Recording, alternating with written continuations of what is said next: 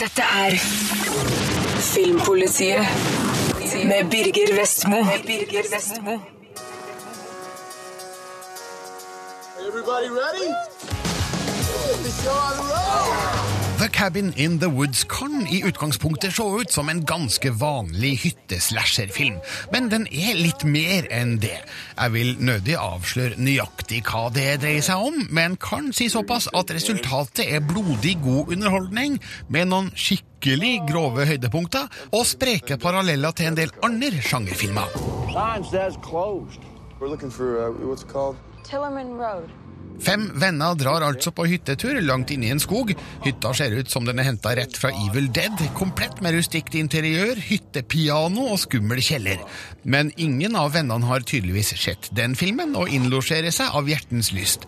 Snart blir det imidlertid klart at skumle ting skal skje, både i og utafor hytta. Så langt høres det her ut som en ganske vanlig skrekkfilm, ikke sant? Men handlinga tar en rimelig vill vending, noe som for så vidt blir signalisert veldig tidlig i filmen. Når det skjer, er det en velkommen utvikling etter at historien akkurat er i ferd med å miste fremdrifta. Fantasien går amok, men hvem sa at fantasi ikke kunne gjøre det? Jeg liker når regissør Drew Goddard går over toppen og blir der gjennom filmens siste akt. What is that? Goddard har skrevet manuset sammen med produsent Joss Whedon, som for tida opplever gigantisk suksess med The Avengers. De har tilsynelatende henta inspirasjon fra såpass vidt forskjellige filmer som The Truman Show og The Hunger Games, blanda med Evil Dead og Fredag den 13.-filmene.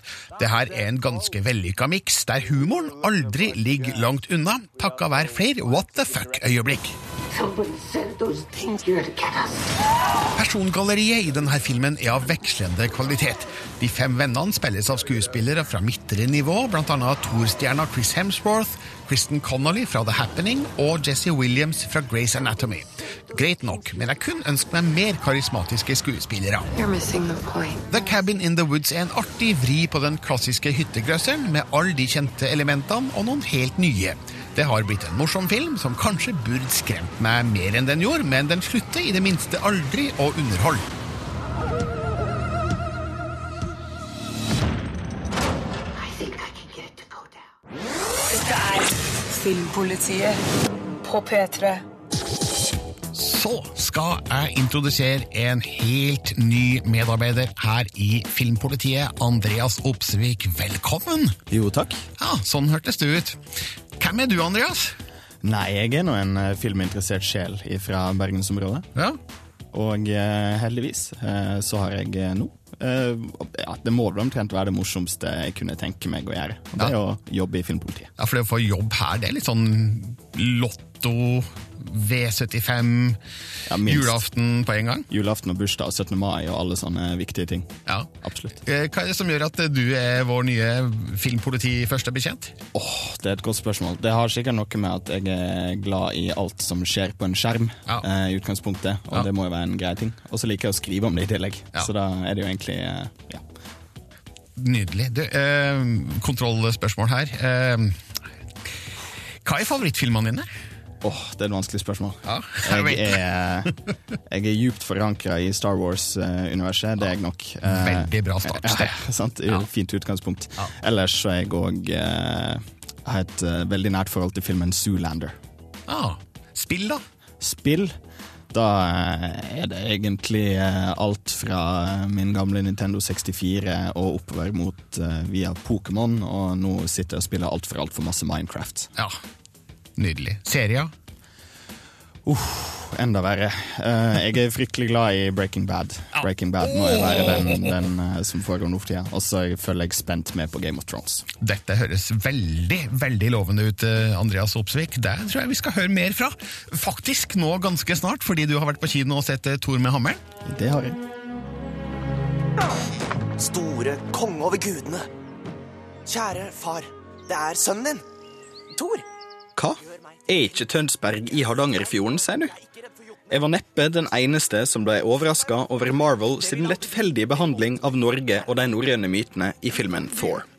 Om den islandske animasjonsfilmen Thor med hammeren er laga for å gjøre saken klarere, eller for å kapitalisere på mediestormen rundt norrøn tru, skal jeg ikke spekulere i. Men den er i hvert fall nærmere kildene og hakket mer sjarmerende. Faren din er høyt der oppe. Oppe i gudenes hjem. Og der sitter han og stapper i seg offergaver uten å bry seg om bønnene våre. Thor er en oppvoksende smedlærling med en drøm om å bli kriger. Ettersom Odin er far hans, skulle en tro at han hadde genene for det, men allfaderens avvisende holdning har ført til at Thor har vokst opp i en ganske rolig hverdag. Men ved en tilfeldighet kommer Thor over den snakkende hammeren Mjølner, som han overraskende nok ikke er den eneste som vil ha tak Det ser ut som faren din faktisk sendte deg et tegn. En hammer. Ferda videre tar oss fra Valhall til Helheim og innom mange kjente navn fra den norrøne mytologien. Sjølve historia er ganske standardisert. Den unge helten som kjemper seg fra små kår til stor kriger, har vi sett før i mange versjoner, i alt fra Hercules til Star Wars. De gode er gode, og de onde er onde, og lite legges imellom for å vise akkurat det her. Men filmen er ispedd såpass mye humor og artige detaljer at det her ikke gjør noe som helst. Hvis du lærer deg å mestre kreftene mine, kan du gjøre litt ordentlig skade. Med sjuårsgrensa er nok Tore med hammeren tiltenkt de yngre kinogårdene, men det her var absolutt noe som fungerte for mine lattermuskler òg. Samspillet mellom den modige, snartenkte Thor og den bråkjekke sidekicken Mjølner er det beste med filmen. Men verden er fylt med karakteristiske biroller som bringer mye til universet rundt deg. Den norske stemmen er gode, selv om lyden ikke alltid stemmer overens med munnbevegelsene til figurene. Jeg vet du er en mester i feiekostfekting, men jeg tror vi skal glemme det. Det er ganske lett, og kanskje til og med litt urettferdig, å trekke sammenligninger til Dreamworks-filmen Dragetreneren. Eventyrsettingen har mye av det samme visuelle uttrykket, karikerte og uproporsjonerte hus og figurer. Dessverre er den ikke like jevnt god som en bør vente av en animasjonsfilm på kino nå til dags. Et fåtall scener er tydelig ikke like godt gjennomarbeida og ser nesten uferdig ut på lerretet. Men til gjengjeld, de aller fleste scenene er vakkert sydd sammen og har et herlig produksjonsdesign. Islendingene i det forholdsvis ferske animasjonsselskapet Kaos leverer en god søknad for framtida, og en film som det er fullt mulig å ta med yngre samfunnsmedlemmer på. Enten opplevelsen er for ungene sin skyld, eller rett og slett som en unnskyldning til å se en artig film. Tor med hammeren. Dette er Filmpolitiet på P3. Planets that once were wastelands now had men, all fighting to stake their claim. Bland en del klassisk westernfilm med en stor dash romeventyr og sett mixmasteren på full guffe. Starhawk er western og science fiction i skjønn forening. Mennesket har begynt å kolonisere andre planeter, og på jakt etter energi er det satt opp omfattende utvinning av riftenergi på fremmede planeter. It was supposed to be the solution to all our problems. Turns out, it's also the source of them. Denne energien er vanskelig å kontrollere, og flere av de tidligste kolonistene har blitt muterte. En ny rase monstre som gjør alt for å forhindre at vanlige mennesker utvinner mer av den verdifulle råvaren. Her kommer du inn i bildet, en moderne verdensrom-cowboy. Ikke bare har du våpen og en personlighet mistenkelig lik Clint Eastwood, du er også delvis påvirket av den lumske rift-energien du er satt til å beskytte. Dead. Figurene i Starhawk er sterkt inspirert av superhelttegneserier og tegner en spennende verden rundt hovedpersonen Emmet Graves. Forresten et veldig westernklingende navn. Fortellingen i enkeltspillerdelen er likevel ikke like fantasifull som omgivelsene. Den er forutsigbar og grep ikke meg i særlig stor grad. Dynamikken i flerspillerkampene er derimot spennende, enten du er i angrep eller i forsvar. Spillet har ikke et typisk cover-system, hvor du kan dukke ned bak bokser eller gjemme deg bak hushjørner for beskyttelse. Dermed må spillere i mye større grad bevege seg rundt på kartet og ta i bruk brettenes strategiske fordeler for å vinne kampene. Strategi er nøkkelen her, enten det er i enkeltspillerdelen eller med mange andre over internett.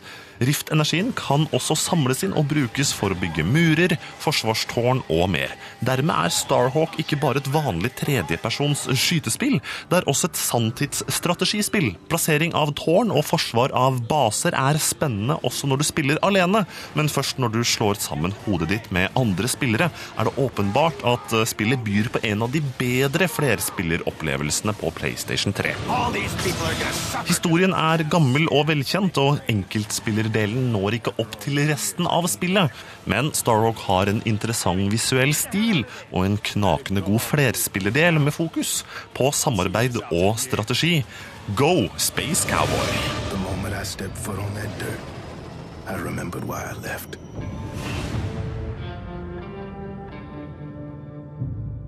Du hører nå en podkast fra NRK P3. Hent flere podkaster fra NRK på nettsiden nrk.no podkast. NRK P3.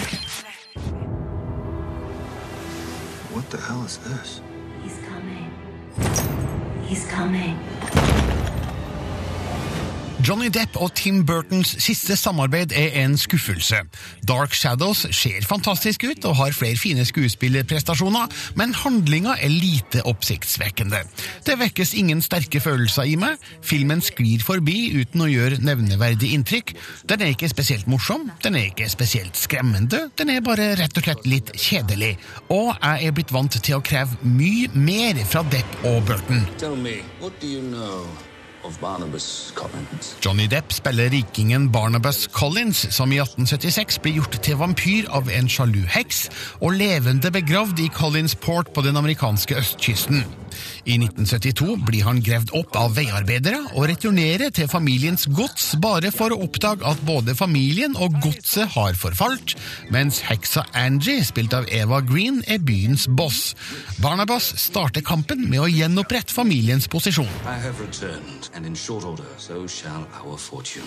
Rent filmatisk er det lite å sette fingeren på. Tim Burton gir oss drømmende visjoner som kan minne om billedbruken i Sleepy Hollow. Filmens gods er en egen figur med store haller, trapper og skjulte rom. Persongalleriet er sterkt karikert med detaljrike kostymer og tupeer. Alt føles som kalkulert kitsch. Reveal yourself. Johnny Depps fremstilling av Barnabas Collins virker som et amalgam av flere av hans kjente figurer. Man kan spore både Jack Sparrow, Kemp fra The Rum Diary og Sweeney Todd i Barnabas. Depp ser ut som en voksdukke gjennom hele filmen, akkurat som han gjorde som Willy Wonka og Mad Hatter. Jeg liker fremdeles å se Depp på kino, men føler det er vel mye gjenbruk av gamle triks i Dark Shadows. Da er det gøyere å se Michelle Pfeiffer igjen som Barnabas slektning Elizabeth Collins Stoddard og Chloé Grace Moretz som hennes vampete datter Carolyn. Really so? Handlinga i filmen virker merkelig blass. Filmen er basert på en gammel TV-serie, og det kan jo være at Burton og hans manusforfattere har vært opptatt av å blidgjøre fansen ved å inkorporere så mye som mulig fra kilden. Det virker å være mange elementer her som ikke er viktig for hovedhistorien. Blant annet får vi en avsløring om en av de yngste figurene mot slutten av filmen, som virker komplett umotivert. Dark Shadows representerer ikke historieforteller Tim Burton på sitt beste. Are you stoned or something? They tried stoning me, my dear. It did not work. Dette er Filmpolitiet med Birger Vestmo. Birger Vestmo. Carmageddon Reincarnation er et dataspill som kanskje kommer i butikken eh, dersom du blir med på finansieringa. Andreas Opsvik, eh, hvordan kan jeg og du være med på å finansiere dette dataspillet? En, Det har jo blitt en litt sånn trend i det siste blant eh, i hvert fall sånne nostalgiske spillskapere som har lyst til å bringe opp noe nytt. Så går de inn på denne nettsida kickstarter.com og starter en kampanje der folk kan eh, gi sitt bidrag til å finansiere et nytt spill. La oss høre hva eh, spillutvikler Neil Barnden har å si på kickstarter.com. We need your help, Kickstarter fans. It'll take us months and months, working through a giant list of tasks. We've already spent a third of a million of our own dollars on this project. Now we need the extra money that will get the game made. All right, og de pengene vil jeg altså at vi skal betale via Kickstarter. Men eh, for å fortelle hvorfor vi egentlig har lyst til det, så må vi tilbake til det første Carmageddon-spillet fra 1997. For det, det har du spilt eh, i din pure ungdom, eller skal vi kalle det barndom, Andreas? Ja, det var vel omtrent barndom. Jeg var i hvert fall for ung for å spille det, helt garantert. Men eh, det, det er et eller annet Spillet går jo ut på at det er et slags type bilrace.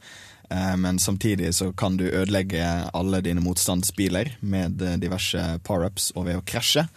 Og ikke minst det som kanskje skapte mest kontrovers, var det at du kunne kjøre på fotgjengere. Ja, La oss høre litt lyd fra det originale Carmageddon. Jeg tror det går ganske klart frem her hva det er du snakker om. Five, four, three, two, one, go! Son of a bitch! Ok, altså vi vi hører jo her at dette ikke er for barn.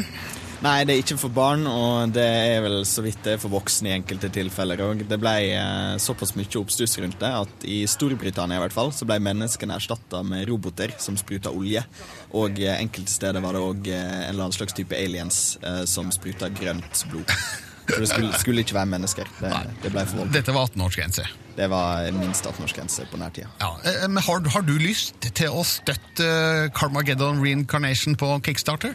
Ja, De sier jo det, han eh, Barnton han sier jo det at han har lyst til å skape noe i samme dur som da det første og andre Carmageddon-spillet, som er kjempeunderholdende, Kjempegroteskt og kjempeforferdelig, men eh, det er ustyrtelig morsomt, egentlig. Og hvis du støtter spillet, så kan du faktisk eh, bli med i det sjøl?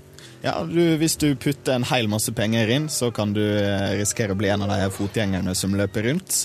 Og du kan òg få andre eh, sånne eh, hva skal en si, eh, for å, å tilby pengene dine. All right. Les mer om eh, Carmageddon Reincarnation på p3.no filmpolitiet eller på kickstarter.com. Andreas Opsvik, takk skal du ha. Takk, takk. P3. Du hører på. Du hører på. P3. Dette er P3. Jamen altså, hvordan kan det være så varmt i et land? Fatter ikke, mor kan bo i det her land. Har alt tatt en klisjépille, spør hovedpersonen i Superklassiko. Spørsmålet kan like godt rettes mot filmens komanusforfatter og regissør Ole Christian Madsen. Han har nemlig laga en romantisk komedie med klisjéfulle kulturkollisjoner. Bakteppet er det stereotypiske Argentina, slik vi nordboere gjerne fantaserer at det er. Dermed utspilles handlinga i et rødvinsdryppende tangohelvete med fyrige innfødte og bleike dansker. I Buenos det har vi da ikke talt om, har vi? Christian, spilt av Anders W. Bertelsen, er i krise. Kona Anna, spilt av Paprika Steen, har forlatt han til fordel for en fotballspiller i Buenos Aires. Han drar etter hun sammen med sønnen Oscar, spilt av Jamie Morton, tilsynelatende for å underskrive skilsmissepapirene. Men den egentlige grunnen er at han ønsker å vinne hun tilbake. I challenge you. And the challenge will be about Anna. Det er ikke helt uten underholdningsverdi å følge Christian på denne reisen. Dette er en klassisk fisk på land-situasjon. Han er i en ukjent by i et ukjent land, der han verken behersker språket eller kulturen som møter han. Det er ganske morsomt å se kampen mot kjekkasen som har kapra Anna, fotballesset Juan Diaz. Sistnevnte er en grovkorna karikatur av en enkel idrettsmann, men blir gøyalt spilt av Sebastian Estevanes. This is my girlfriend. She's. Anna, spilt av Paprika Steen, kommer dårlig ut av denne historien. Hun rømmer praktisk talt fra sin 16 år gamle sønn for å dyrke seg sjøl i en annen verdensdel. Det høres kanskje dømmende ut, men jeg får ikke særlig stor sympati. Hadde Christian vært voldelig psykopat, hadde det vært enklere å forstå, men ekteskapet havarerer fordi hun kjeder seg. Riktignok spanderer hun en bisetning som indikerer en viss anger til slutt, men jeg bruker hele filmen på å forstå hvorfor Christian egentlig vil ha Anna tilbake. Jeg skulle ønske mer skildring av deres forhistorie. Han ser meg, Christian. Forstår du det? Vi har fullstendig fantastisk sex.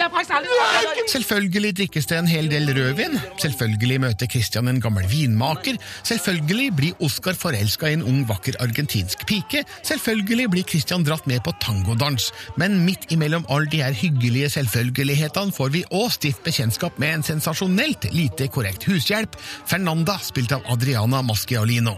Hun er med på å løfte Super Classico til en helt grei karakter.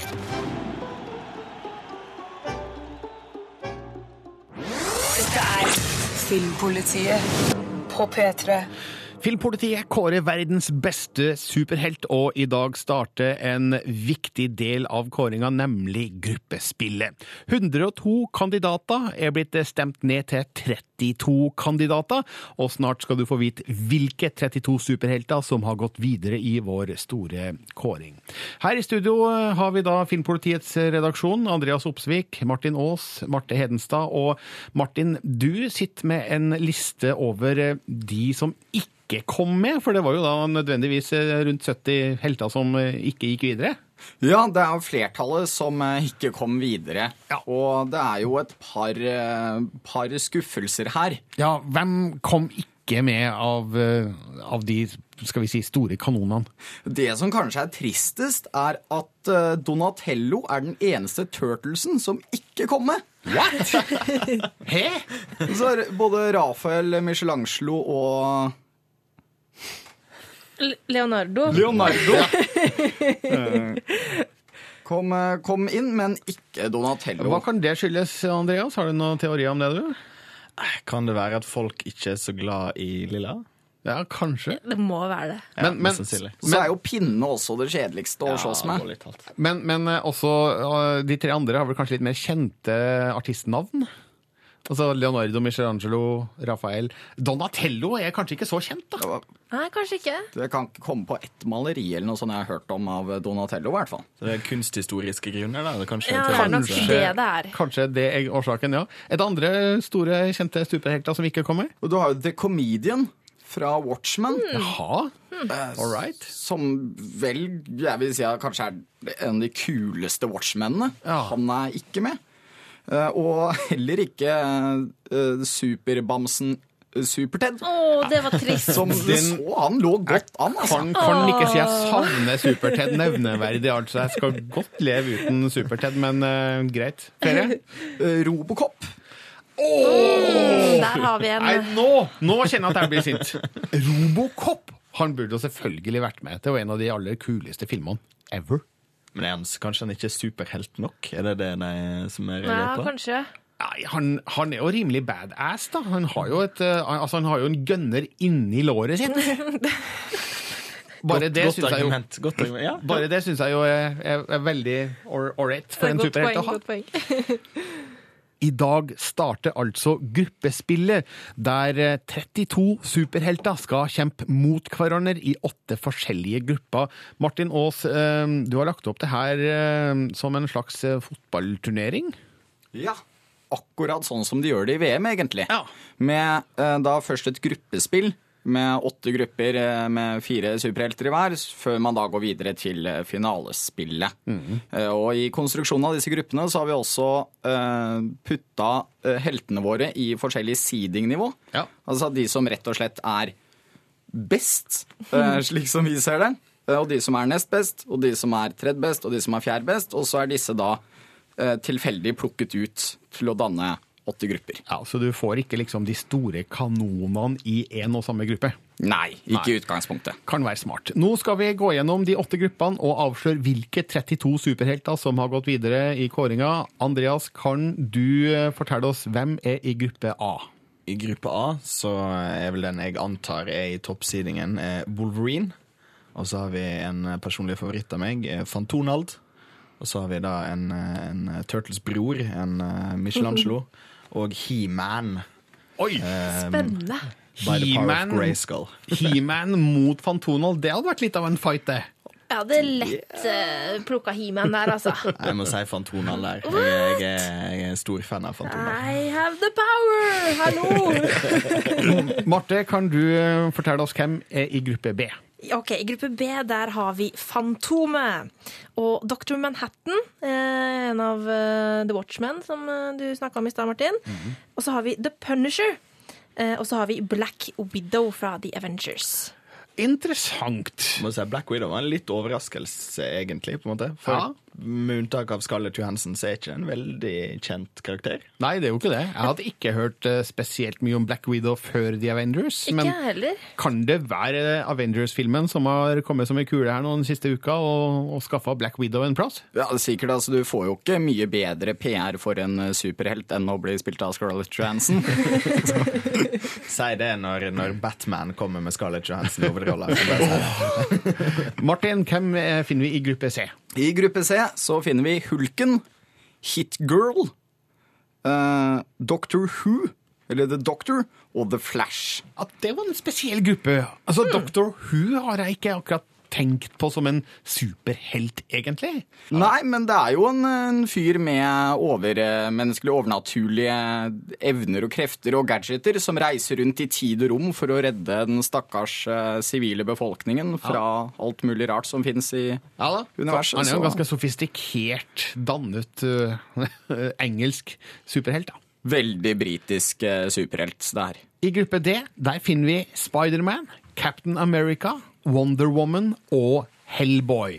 Og eh, der slår det meg at eh, det er liksom én kvinnelig superhelt i hver av disse kategoriene. Det er helt tilfeldig, Ja, det er faktisk faktisk. helt tilfeldig. Ja. Men eh, Wonder Woman mot Hellboy, altså er det, er det i hele tatt en fight? ja, Wonder Woman hadde jo vunnet lett som en billett!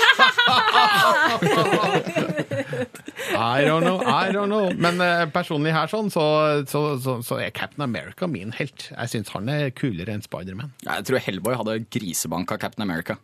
Det tror jeg Det, det skjoldet hadde ikke stått imot den eh, store knyttneven, det er jeg ganske sikker på. Martin, kan du fortelle oss uh, hvem finner vi i gruppe E? I gruppe E så finner vi Supermann, uh, Professor Xavier, eh, Catwoman og The Mask. Akkurat. Du, her, det, noe sier meg her at vi har en klar favoritt. Mulig Supermann kanskje går videre. Altså, i en, eh, I en normal verden så ville han jo gjort eh, kort prosess med de fleste her sånn. Ja. Men jeg ser for meg at nummer to i den gruppa er hakket verre. Eh, Det mest skal kanskje gå gjennom på kuriosa-effekt, kanskje? Jeg tipper Supermann og Professor X eh, kommer til å gjøre det ganske godt. For det er viktig å påpeke at det er to som går videre fra hver gruppe. Ja. Mm. Så her kan faktisk eh, en outsider gå videre, sjøl om det tilsynelatende er en klar favoritt i gruppa. Mm. Andreas, gruppe F, hvem finner vi der? Der har vi Iron Man og Kickass, Blade og enda en turtle, Rafael. Nettopp. Kickass! Altså, er, er han en superhelt? Jeg bare stiller spørsmål.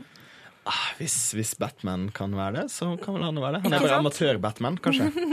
Han Lavbudsjetts-Batman. Han må øve seg litt mer. Ja, han, lager, han lager sine egne superheltevner, på en måte. Så det er jo det samme som eh, Batman, bare at han har et eh, studentbudsjett. Han har mer, Batman har litt mer penger enn Kickass, rett og slett. Ja, en våtdrakt er ikke helt det samme som Batman-drakten. Altså. Nei, men eh, altså bare slagordet 'with no powers comes no responsibility' gjør at Kickass er en, en hjertestor favoritt hos meg, altså. Ja, kanskje Kickass kan være en outsider her, da. Eh, Marte, da kan du fortelle oss hvem er i gruppe G. I gruppe G så har vi Hunken Thor. Så har vi Rosa Jeg klarer aldri å uttale det navnet. Rorschach. Rorschach. Buffy. Ganske kult. Og den siste Turtlesen som er med, Leonardo. Du, altså, Tre Turtles inne på lista, hva, hva er det her for noe? Altså, jeg ante ikke at Ninja Turtles hadde en så høy stjerne. Jeg tror det må være det, det er sånn veldig enten-eller. Jeg har ikke et så nært forhold til dem, men eh, jeg ser liksom for meg at det er noe som er fryktelig, og de har satt, sitt stemmer hele tida på Turtles. Det er sånn, sikkert det er Mutant Ninja Turtles Association of Norway som har sittet og, og, og kuppa det her. Og har tydeligvis noe imot uh, Donatello, da. Gruppe H, Martin. Det er den siste gruppa med superhelter. Hvem er der? Da har vi Batman. Vi har Superlangbein. Vi har Darkwing Duck og The Crow. Oi, Det mest spennende her er vel eh, hvem ville vunnet av eh, Superlangbein og Darkwing Duck? Ja, det Det er, jo, det er jo egentlig Disneys lokale Batman mot Supermann. Så, eh, og de har slåss før. Det kunne vært veldig Har morsomt. det? Ja. Batman vinner alltid. Gjør han det? Ja. Ja vel. Også i Disney-versjon. Ja, uh, ja, nei, jeg vet, jeg vet ikke om de har slåss sammen, Ok. men Batman og Supermann har i hvert fall slåss. Vinner Batman over Superman? Batman vinner alltid. Gjør Jaså. Batman det? Nei, det har jeg ikke inntrykk av. Det er superkraften hans. Han vinner jo alltid. Akkurat. Ja, vel, vel. ja. Du har kanskje lest flere tegneserier enn det jeg har, Andreas. Eh, nå har vi i hvert fall avslørt hvilke 32 superhelter som går videre i gruppespillet i vår kåring verdens beste superhelt. Martin Aas, hva skjer nå? Jo, akkurat nå så ligger eh, første gruppe, gruppe A, ute på nettsidene våre p3.no filmpolitiet, hvor man kan gå inn og stemme der. Og de kommende ukene, i ni uker framover, så kommer hele cupsystemet til å gå sin gang med nye dueller eh, fredager og mandager. Og om noen måneder så vet vi for sure hvilken som er verdens beste superhelt. Filmpolitiet. P3. Widescreen på radio. Du hører nå en podkast fra NRK P3. Hent flere podkaster fra NRK på nettsiden nrk.no podkast. NRK P3.